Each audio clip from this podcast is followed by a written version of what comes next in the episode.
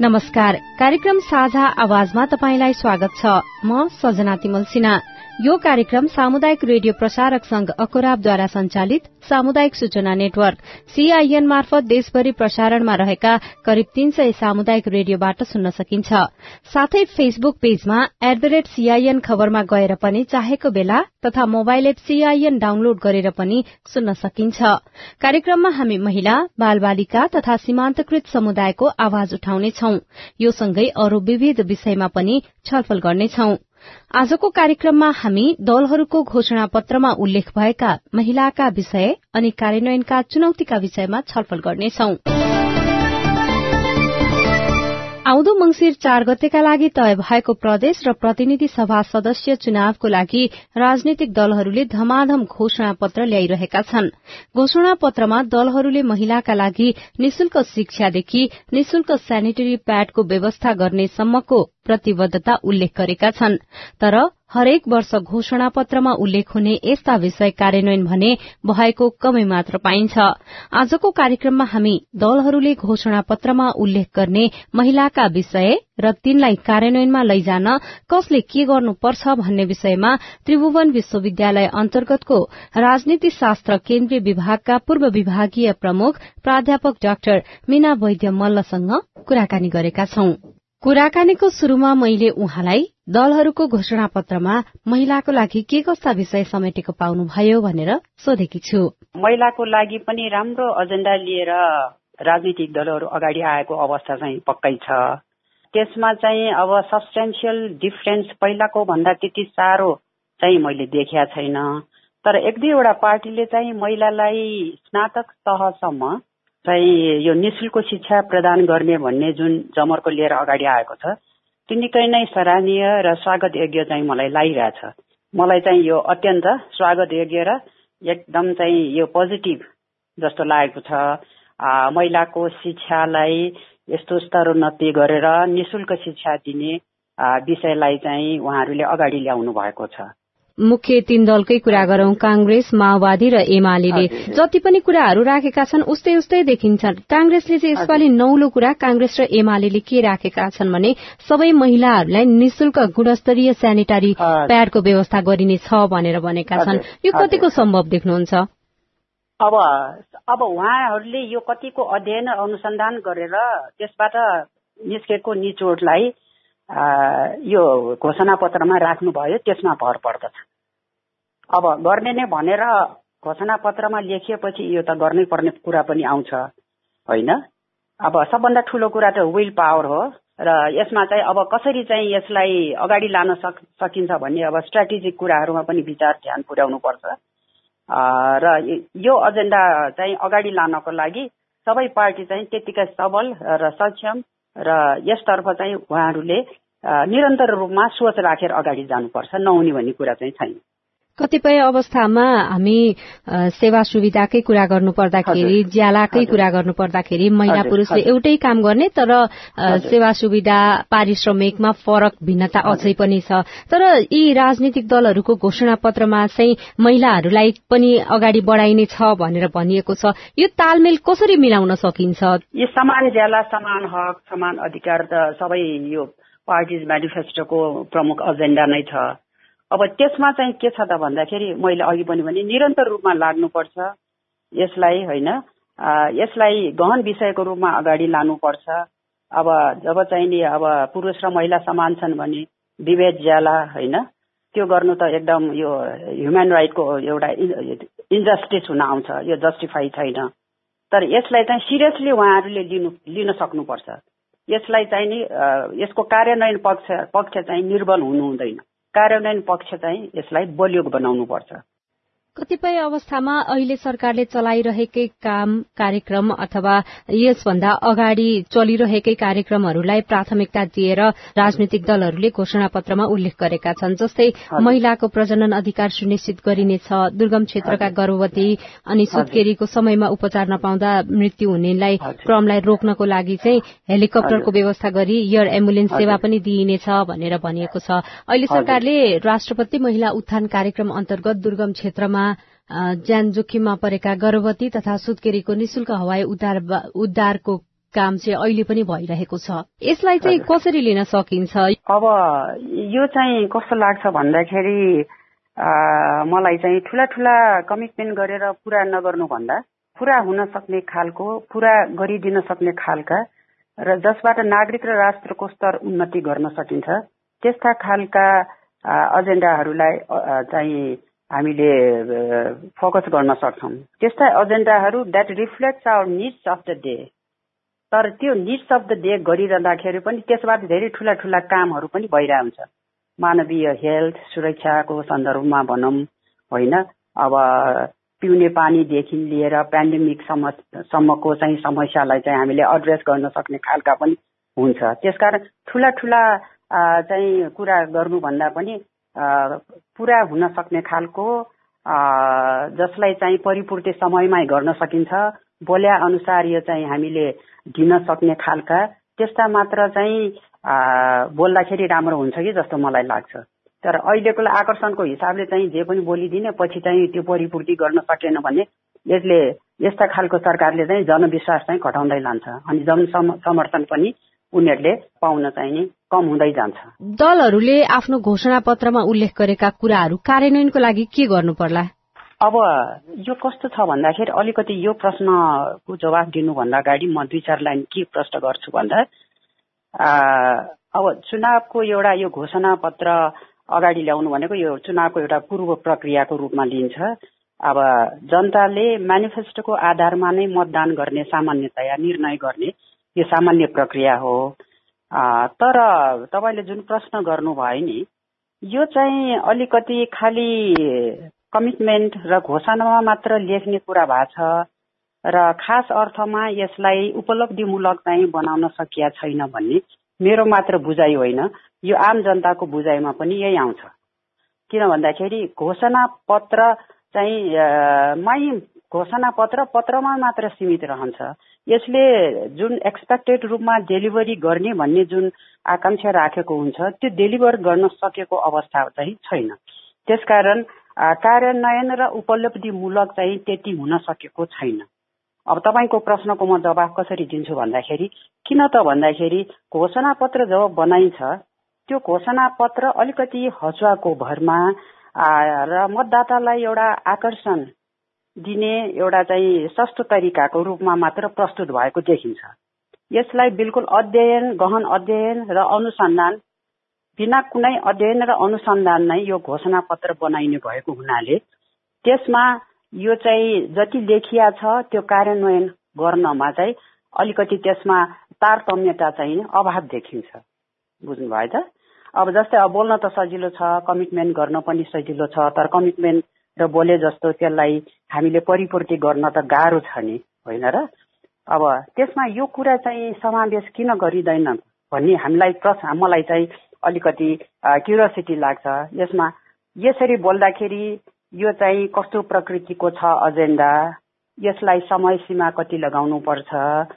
यो commitment agenda address गर्नलाई साधन र स्रोत वा त्यो साधन स्रोतले चाहिँ धान्न सकिने खालका छन् कि छैनन्? त्यो कुनैको चाहिँ अध्ययन गरेको जस्तो लाग्दैन। त्यसमा कुनै अनुसन्धान गरिएको जस्तो मलाई लाग्दैन। होइन? त्यसको लेखाजोखा गरिएको जस्तो मलाई लाग्दैन। त्यसकारण के छ त भन्दाखेरि जति घोषणा पत्रमा बोलिन्छ लेखिन्छ भाषण गरिन्छ त्यो चाहिँ परिपूर्ति गर्न नसक्नुको मुख्य कारण बिना अध्ययन र अनुसन्धान ले बनाएको घोषणा पत्रले गर्दा नै हो भन्छु म यसमा अझ पहिलाको घोषणा पत्र के थियो? हामीले कहाँनिर चुक्यौँ हाम्रो कमजोरी कमी कहाँनिर भयो? त्यसको कुनै फेरि त्यो कार्यको समीक्षा पनि गरिएको जस्तो लाग्दैन होइन? र कुन कुन एजेन्डालाई बढी प्राथमिकता दिने कसलाई बढी चाहिने सम्बोधन गर्ने भन्ने त्यसमा पनि कुनै महत्व राखेको देखिएन। त्यसकारण यो चाहिँ के छ भन्दाखेरि एकदम एभिडेन्स बेस्ड छैन भन्छु म। त्यही भएर चाहिँ नि यो कार्यान्वयन र उपलब्धिमूलक हुन सकेन। अर्को कुरा पनि के छ भन्दाखेरि एउटा घोषणा पत्र ल्यायो जनताले मतदान गरे र जसले जुन पार्टीले जित्यो होइन अनि सरकार गठन गर्यो तर चुनावपछि सरकार गठन गर्ने पार्टीले मेनिफेस्टोलाई चाहिँ एकदमै कम गौण महत्व दिने गरेको देखियो कि? किन त भन्दाखेरि सत्ता शक्तिमै बढी समय खर्चिने भयो सरकारले। यसतर्फ एकदम मेनिफेस्टोमा यो लेखिया छ। हामी मेनिफेस्टो हामीले यति समय लिइसक्यौँ अब हामीले यो गर्नुपर्छ। यसलाई प्राथमिकता अनुसार हामीले यो अब काम गर्दै लानुपर्छ। हामीले कमिटमेन्ट गरेको कुराहरू अब हामीले दिने बेला आइसक्यो भनेर त्यसतर्फ अलिक कम ध्यान दिएको जस्तो मलाई लाग्यो। किन भन्दाखेरि आन्तरिक विवादमै अब तपाईँ हामीले बुझेकै कुरा हो। आन्तरिक विवादमै राजनीतिक दलहरू बढी व्यस्त रहने प्रवृत्ति हामीले देखा छ। यसले गर्दाखेरि पनि यसतर्फ सोच कम भएको छ। त्यो पनि एउटा हो किन चाहिँ मेनिफेस्टोमा लेखिया जस्तो त्यो चाहिँ हामीले पाउन सकेन। अब मेनिफेस्टोमा त सबै पार्टीले राम्रै कुरा गर्छन् होइन। त्यसमा जनहितको कुरा गर्छ जनतालाई सेवा सुविधा कसरी बढी दिने राष्ट्रिय स्वार्थ कसरी जगेर्ना गर्ने राष्ट्रको अखण्डता कसरी बचाउने यो सबैले फोकस गरेकै कुरा हो सामान्यतया। होइन जस्तै अब तपाईँले भन्नुभयो अहिले फेरि म भन्छु स्नातकसम्मको नि शुल्क महिला शिक्षा त दिस इज भेरी इन्करेजिङ होइन? यो यतिको राम्रो त एजेन्डा हुनै सक्दैन महिलाहरूको लागि। तर त्यस अनुरूप हामीले साधन स्रोत जुडाउन सक्छौँ कि सक्दैनौँ त्यसको लागि हामीले आगामी कसरी अध्ययन र अनुसन्धान गरेर यो मेनिफेस्टो यो लेखिएको कुरालाई हामीले तार्किक निष्कर्ष वा तार्किक उपलब्धिमूलक र तार्किक बनाउन सक्छौँ भनेर हामीले विचारै गर्नुपर्छ। तर सरकार गठनपछि यो कुरा गाउन भएर जान्छ दुःख लाग्दो कुरा चाहिँ त्यहाँनिर छ। अर्को कुरा तपाईँले एजुकेसन म पनि एउटा एकाडेमिया मान्छेबाट आएको। म चाहिँ एजुकेसनमै बढी फोकस गरौँ। फ्री एन्ड कम्पलसरी एजुकेसन भनेको छ कक्षा कति आठ दस क्लाससम्म। तर के छ त भन्दाखेरि यो हरेक मेनिफेस्टोमा छ। तर यो फ्री र कम्पलसरी एजुकेसन यति घुमाउरो पाराले यसलाई महँगो बनाइएको छ कि? मलाई त लाग्छ विपन्न वर्गको पहुँच भन्दा अझ बाहिरै छ। भन्ने बेला फ्री र कम्पलसरी एजुकेसन तर यति घुमाउरो रूपमा त्यो फीहरू शुल्क लिँदो रहेछ कि? म त भन्छु अझ पनि यो मार्जिनलाइज अन्डर प्रिभिलेज क्लासहरूको लागि शिक्षा त पहुँच बाहिरकै कुरा छ अहिलेसम्म पनि। जति पनि कुराहरू घोषणा पत्रमा लेखिन्छन् ती लेखेका कुरा कार्यान्वयन गर्नको लागि राजनैतिक दलहरू सरकारमै जानुपर्छ अथवा बाहिर बसेर पनि गर्न सक्छन्? प्रमुखतया त यो सरकार भित्रका गभर्निङ इलाइट्सले नै गर्ने हो लिडरसिपबाट तर सपोर्टिभ फ्याक्टर्स चाहिँ नि बाहिरबाट पनि पाउनुपर्छ। यसको लागि के गर्नुपर्छ भन्दाखेरि दीर्घकालीन सोच हुनुपर्छ। दीर्घकालीन सोच सहितको चाहिँ योजना बोकेको घोषणा पत्र स्ट्रङली अगाडि आउनुपर्छ विथ इफेक्टिभ इम्प्लिमेन्टेसन भन्छु म। कसरी यसलाई चाहिने कार्यान्वयनको पक्ष यसको बलियो बनाउने भन्ने तर्फ सबैले सोच विचार गर्नुपर्छ। कतिपय अवस्थामा आफ्नो घोषणा पत्र त छ तर सरकारमा म जान पाइन त्यसैले कार्यान्वयन गर्न सकिन भन्ने खालको कुराहरू पनि पछि आउने भएको भएर सरकारमा रहेको दललाई बाहिर रहेका दलहरूले कसरी सहयोग गर्न सक्छन् आफ्नो घोषणा पत्र पनि कार्यान्वयन गराउनको लागि? दबाब त अब सबैले खबरदारी पनि गर्छ दबाब पनि दिन सक्छ यो त अब फन्डामेन्टल राइट्स हो होइन? नागरिकको। उनीहरूले के लिनुपर्छ भन्दाखेरि म सरकारमा जानु पाइनँ अब यो नभए पनि हुन्छ भने त्यो सोच राख्ने होइन यो भनेको चिज मेरो आवश्यकता होइन। यो भनेको समग्र नागरिकको आवश्यकता हो। आजको देशको आवश्यकता हो होइन? यो मानव अधिकार सहितको आवश्यकता हो होइन? यसले चाहिँ देशलाई प्रजातान्त्रिकरण लोकतान्त्रिकरणतर्फ उन्मुख गर्न धेरै सघाउ पुर्याउँछ। देशको प्रजातन्त्रलाई सबल र सक्षम बनाउँछ भन्ने त्यस्तो किसिमको संस्थागत सोच र विचार लिएर उनीहरूले सघाउन सक्नुपर्छ सघाउनुपर्छ यो हाम्रो चाहिँ नैतिक दायित्व पनि हो यो नागरिकहरूको मूल कर्तव्य पनि हो।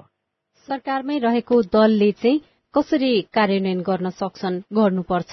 सरकारमै रहेको दललाई त उनीहरूलाई त अझ झन् उनीहरूले त गर्नै पर्ने उनीहरूको त प्रमुख दायित्व नै हो। किन भन्दा म के भन्छु भन्दाखेरि जन आवाजलाई उनीहरूले प्राथमिकता दिनुपर्छ। अहिलेको एक्काइसौँ शताब्दीमा public awareness over the years has raised. पहिला जस्तो छैन जनताहरू अब बोल्न सक्छन्। होइन तपाईँले राखेको मेनिफेस्टोमा दिएको चिज हामीले पाएका छैनौँ भनेर उनीहरूले खबरदारी गर्न सक्छ। त्यसलाई उसले उनीहरूलाई खबरदारी गरेर त्यो गराइलिन सक्छ। यस्तो किसिमको प्रेसर उनीहरूले क्रिएट गर्न पनि सक्छ होइन? के छैन के भइरहेको छैन के हुनु पर्थ्यो अहिलेसम्म के भएन के कारणले भएन त्यो चाहिने त्यो सोध्ने त्यो चाहिने बुझ्ने अधिकार जनतामा छ। अहिले चाहिँ यस्तो किसिमको अवेरनेस चाहिँ नि बढेको छ। This is a very positive indications तपाईँहरूले घोषणा पत्रमा यो विषय उठान गर्नुभएको थियो। हाम्रो लागि यस्तो गर्नुभएको गर्छु भनेर भन्नुभएको थियो। तर अझै पनि कार्यान्वयन गर्नु भएन भनेर जनताहरूले समय समयमा दबाब दिनु समय समयमा अलर्ट गर्नुपर्छ गभर्मेन्टलाई होइन? गभर्मेन्टको अटेन्सन चाहिँ नि उनीहरू उहाँहरूप्रति चाहिँ ड्र गराउने त्यो अधिकार जनतामा छ। त्यसको त्यसको लागि जनता सजग हुनुपर्छ जनता चाहिँ कलेक्टिभली उनीहरूले आवाज उठाउनुपर्छ। यति गर्न सकेको खण्डमा सरकारले उनीहरूले बोलेको कमिटमेन्ट गरेको धेरै कुराहरू चाहिँ परिपूर्ति र प्रवाह डेलिभर गर्न सक्छ। तपाई अहिले कार्यक्रम साझा आवाज सुनिरहनु भएको छ। सीआईएनले तयार पारेको यो कार्यक्रम देशभरका करिब तीन सय सामुदायिक रेडियोसँगै W W W dot C I N Khabar dot कमबाट पनि सुनिरहनु भएको छ। यस्तै सीआईएनको Facebook page community information network सीआईएनमा गएर पनि चाहेको बेला सुन्न सक्नुहुनेछ। आजको कार्यक्रममा हामीले दलहरूले घोषणा पत्रमा उल्लेख गरेका महिलाका विषय अनि ती विषय कार्यान्वयनका विषयमा छलफल गरिरहेका छौं। छलफलमा हुनुहुन्छ त्रिभुवन विश्वविद्यालय अन्तर्गतको राजनीति शास्त्र केन्द्रीय विभागका पूर्व विभागीय प्रमुख प्राध्यापक डाक्टर मीना वैद्य मल्ल। राजनीतिक दलहरूकै पनि भातृ संस्थाहरू हुन्छन्। जब आफ्नो दलले जति बेला सरकारको नेतृत्व गर्छ त्यति बेला जे भने पनि होमा हो मिलाउने खालको कामहरू उनीहरूले गरेका हुन्छन्। खासमा भातृ संगठनहरूले आफ्नो माउ पार्टीहरूलाई कसरी खबरदारी गर्नुपर्छ? भातृ संगठन भनेको प्राय युवा वर्गले नेतृत्व गरेको हो। उनीहरूले चाहिँ सत्य बोल्नुपर्छ यङ्गर जेनेरेसनले। के भइरहेछ? साइन्स र टेक्नोलोजीको विज्ञान र प्रविधिको जमानामा कालोलाई सेतो सेतोलाई कालो भन्ने होइन। के कारणले कालो भयो के कारणले सेतो सेतोलाई सेतो कालो। त्यो उनीहरूको एकदम प्रमुख दायित्व हो। आफ्नो पार्टीलाई एउटा राम्रो सही दिशामा सही ट्र्याकमा र सत्यलाई सत्य र असत्यलाई असत्य भनेर यो चाहिँ डोर्याउनुपर्छ आफ्नो पार्टी भन्यो भन्दैमा चाहिँ खराबलाई पनि असल नगरेकोलाई पनि गरेको गरेकोलाई नगरेको त्यसरी चाहिँ कुरा भन्याउन राम्रो हुँदैन। तपाईँ पनि एकजना महिला म पनि एकजना महिला। महिला भएको हिसाबले राजनीतिक दलहरूले यो विषय चाहिँ घोषणा पत्रमा छुटाउनु हुँदैन थियो भन्ने त्यस्तो केही लागेको छ? उनीहरू यो घोषणा पत्रमा एउटा चाहिँ के थप गर्नुपर्छ जस्तो मलाई लाग्छ भन्दाखेरि जति पनि हामीले महिलाहरूको सशक्तिकरण महिलाहरूको सहभागिता र महिलाहरूको शिक्षाको लागि महिलाहरूले प्राप्त गर्ने सेवा सुविधाको लागि हामीले लेखेका छौँ बोलेका छौँ। त्यो चाहिँ हामी शत प्रतिशत नै कम्प्लिट पुरा गरिदिने अवस्थामा छौँ भनेर एउटा चाहिँ अझ जोरदार कमिटमेन्ट गर्नुपर्छ जस्तो लाग्छ मलाई। यी कुराहरू छुटाउन हुँदैन थियो भनेर भनिरहँदाखेरि फेरि पनि आउँछ कार्यान्वयनकै पक्ष। कार्यान्वयनको पक्षमा जाँदाखेरि राजनैतिक दलहरूले आफूले घोषणा पत्रमा लेखेको कुराहरू कार्यान्वयन गर्नको लागि चाहिँ कसरी अघि बढ्नुपर्छ? अब यसको लागि त एकदम कमिटमेन्ट मात्र होइन। यो चाहिँ नि कागजमा मात्र होइन। उनीहरूले सरकार गठन भएको डे वानदेखि नै यसलाई एकदम प्राथमिकता एकदम फोकस स्पेसिफिक बनाउनुपर्छ। एकदम यो यो यो एजेन्डालाई यसरी सम्बोधन गर्ने भन्ने डे वानदेखि नै सुरु गर्नुपर्छ। यसलाई कदापि चाहिँ एउटा गौण मुद्दाको एजेन्डाको रूपमा चाहिँ लिनु हुँदैन। अब हामीले जित्यौँ अब हामीलाई यो अवस्था छैन भन् भन्न थाल्यो भने यो पहिलाको र अहिलेकोमा केही फरक हुँदैन। त्यसकारण यसलाई सिरियसली लिनुपर्छ। एकदम गम्भीरताका साथ यो प्राथमिक एजेन्डा हो महिलाको एजेन्डा भनेको किन भन्दाखेरि नेपाल जस्तो देशमा भनौँ अन्य एसियन मुलुकमा पनि हेर्नुहोस् मोर देन फिफ्टी पर्सेन्ट नेपालको सन्दर्भमा फिफ्टी पोइन्ट समथिङ फाइभ छ that is little more than half of the total भन् पपुलेसन भन्छौँ। यो आधा आकाश र आधा धरती ओगटेको महिलाको। महिलाको विकास भनेको यो समग्र देशको विकास हो। यो विकासको परिसूचक नै चाहिँ एउटा मेजर आधार के हो भन्दाखेरि वुमन्स डेभलपमेन्ट यो गर्नको लागि एकदम राम्रो हरेक पोलिटिकल पार्टिजको मेनिफेस्टोमा महिलाको हक हितको बारेमा राम्रो सुनिश्चित चाहिँ गरिया छ। तर यसलाई चाहिँ यसको कार्यान्वयन पक्ष पनि त्यत्तिकै सुनिश्चित र त्यत्तिकै चाहिँ जोरदार र त्यत्तिकै सबल हुनुपर्छ भन्ने मेरो मान्यता हो। यसमा चाहिँ चुक्नु हुँदैन। निरन्तर रूपमा लागिरहनु पर्छ तपाईँले अब राजनैतिक दलहरू निरन्तर रूपमा लागिरहनुपर्छ भनिरहँदा अलिकति फरक विषय मलाई जोड्न मन लागेको यहाँ। राजनैतिक दलहरूले आफ्नो घोषणा पत्रमा महिलाका स्वास्थ्य शिक्षादेखि लिएर सबै क्षेत्रको कुराहरू उठाइरहँदाखेरि आफूले उम्मेद्वार उठाउँदाखेरि चाहिँ महिलाहरूलाई प्राथमिकता नदिने गरेको पनि पाइन्छ। अहिले विभिन्न स्थानमा चाहिँ महिला प्रतिनिधित्व नै छैन। महिला उम्मेद्वारी नै परेको छैन। यसलाई चाहिँ कसरी लिनुहुन्छ यो यो दुर्भाग्य हो। यो यो यो दुर्भाग्य हो किन भन्दाखेरि महिलाको विकास बिना मा सम्पूर्ण मानव विकास नै सम्भव छैन भन्छु। अब अझ पनि महिलालाई चाहिँ यस्तो किसिमको हेपा प्रवृत्ति नभएको पनि होइन। त्यसको लागि महिलाले धेरै स्ट्रगल सङ्घर्ष गर्नुपर्छ र महिलाको सङ्घर्षबाट नै आज महिलाले यति पनि पाएको हो भन्छु म। त्यसकारण उनीहरूको जसले पाएका छैनन् महिलाहरूको सङ्घर्ष अझ चाहिँ निरन्तरै रहन्छ यसको लागि। यो प्याट्रियाकल सोसाइटीले यस्तो किसिमको अझ सोच विचार राख्दछ भने त्यो त्यो चाहिँ नि एकदम दुर्भाग्य हो।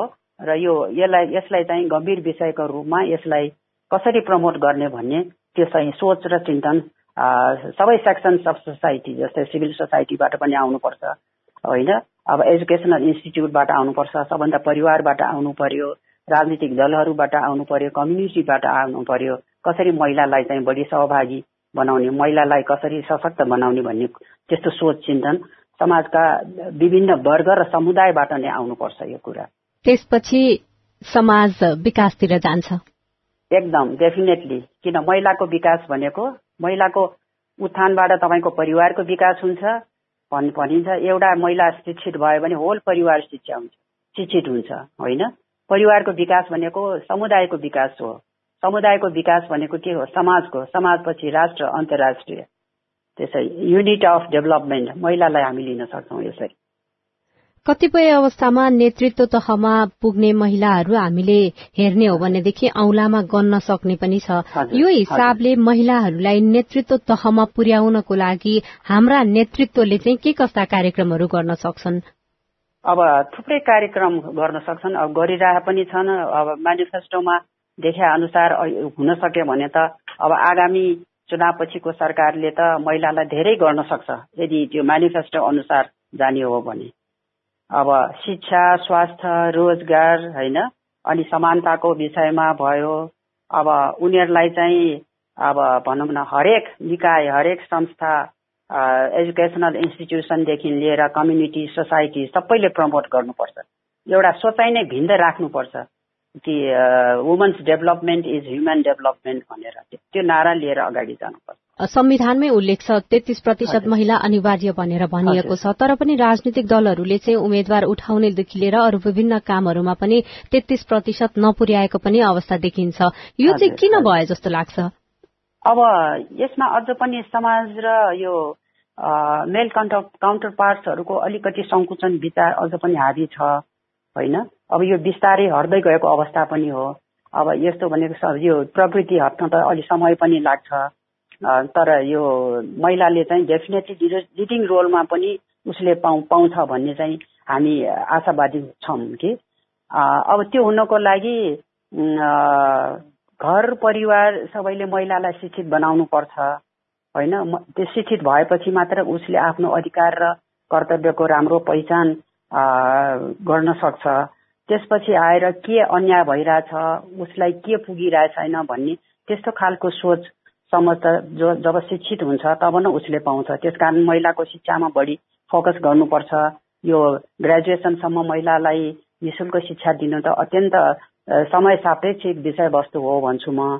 अनि अर्को कुरा महिलालाई इन्डिपेन्डेन्ट गराउनको लागि महिलालाई पनि साधन र स्रोतमा उनीहरूको पनि पहुँच हुनुपर्छ। जस्तै अब महिलाको यो ल्यान्ड राइट भूमि सम्बन्धी उसको अधिकारमा पनि त्यो भयो भने उसले आफ्नो काउन्टर पार्टसँग पनि कम्पिट गर्न सक्छ। किन भन्दाखेरि अब चुनावको लागि पनि त पैसा चाहिन्छ तर उसले केही प्रपर्टी होल्ड गरेको छैन भने हाउ क्यान सी उसले त गर्न सक्दैन होइन? त्यसको लागि पारिवारिक सम्पत्तिमा पनि महिलाको अधिकार पहुँच हुनुपर्छ। जुन यो धेरै वर्ष अगाडिदेखि पनि आइरहेको आवाजै हो। अब यसलाई कसरी सशक्त बनाउने भन्ने हिसाबले पनि अगाडि जानुपर्छ। अनि अर्को चाहिँ भन्यो मैले भने परिवार समाज र पारिवारिक सदस्यहरूबाट पनि उसलाई राम्रो खालको सहयोग त्यस्तो खालको सहयोगको वातावरण सिर्जना गरिदिनुपर्छ कि उसलाई सहज होस्। धेरै कारणहरू छ जसलाई जसबाट चाहिँ हामीले एउटा महिलालाई पनि राम्रो क्यान्डिडेटको रूपमा उठाउन सक्छौँ। हामी कुराकानीको अन्तिममा आइपुगेका छौं। अन्तिम प्रश्न हुन त अगाडिदेखि नै यही नै दोहोऱ्याइरहेको जस्तो पनि लाग्न सक्छ तपाईँलाई। यो खासमा राजनीतिक दलहरूले महिलाका लागि विभिन्न राम्रा कुराहरू पनि उठाएका छन्। स्वास्थ्य शिक्षा रोजगारी लगायतका विषयमा। तर कार्यान्वयन भएको पाइँदैन। कार्यान्वयन गर्नको लागि कसले कस्तो भूमिका खेल्नुपर्छ? एकदम छोटकरीमा भनिदिनुहोस् न। अब महिला सर्वप्रथम त महिलाले आफ्नो लागि आफ्नै राम्रो भूमिका खेल्नुपर्छ। उसले आफ्नो हक अधिकारको लागि उसले अझै नै सङ्घर्ष गर्नुपर्छ होइन? त्यो सङ्घर्षलाई उसले निरन्तरता दिइराख्नु पर्दछ होइन? त्यो त्यो भनेको चिज त हामीले आफ्नो मेहनत र अभ्यासबाट पाउने यसलाई अहिले यसरी बुझिया छ। तर कसरी बुझ्नुपर्छ त भन्दाखेरि राइट बेस्ड अप्रोचमा समाजले बुझिदिनुपर्छ कि उसले त्यो लडेर मात्र पाउने होइन महिलाले आफ्नो अधिकार। Once she is born as human being she deserves all those human rights भन्ने त्यो त्यो हिसाबले बुझिदिनुपर्छ कि? एउटा कुरा त्यो हो? सिभिल सोसाइटीले त्यसरी बुझिदिनुपर्छ अब त्यसको लागि अर्को अब ल लज र कति लिगल पर्सपेक्टिभ्सहरू छ त्यो पनि एकदम स्ट्रङ हुनुपर्छ। इफेक्टिभली इम्प्लिमेन्ट भएको हुनुपर्दछ। अनि गभर्निङ इलाइट्सले पनि महिलालाई चाहिँ समावेश गर्दा सिस्टम अझ वैधानिक हुन्छ अझ प्रभावकारी हुन्छ भन्ने त्यस अर्थमा बुझिदिनुपर्छ उहाँ हुनुहुन्थ्यो त्रिभुवन विश्वविद्यालय अन्तर्गतको राजनीति शास्त्र केन्द्रीय विभागका पूर्व विभागीय प्रमुख प्राध्यापक डाक्टर मीना वैद्य मल्ल। दलहरूले घोषणा पत्रमा उल्लेख गरेका महिलाका विषय कार्यान्वयनमा दबाव दिनुपर्ने बताउँदै यो कुराकानीसँगै हामी कार्यक्रमको अन्त्यतिर आइपुगेका छौं। आजको विषयवस्तु तपाईँलाई कस्तो लाग्यो? कार्यक्रममा कस्ता विषय उठान गर्नु पर्ला? हामीलाई सुझाव दिन सक्नुहुनेछ। हाम्रो टेलिफोन नम्बर शून्य एक बान्न साठी छ चार छमा फोन गरेर आवाज रेकर्ड गराउन सक्नुहुन्छ। साथै हामीलाई Facebook page community information network सीआईएनमा गएर पनि आफ्ना कुरा लेख्न सक्नुहुनेछ। हामी तपाईँको प्रतिक्रिया पर्खिरहनेछौ। आजलाई कार्यक्रम साझा आवाजबाट प्राविधिक साथी सुरेन्द्र सिंहसँगै सजना तिमल सिना विदा हुन्छु। नमस्कार।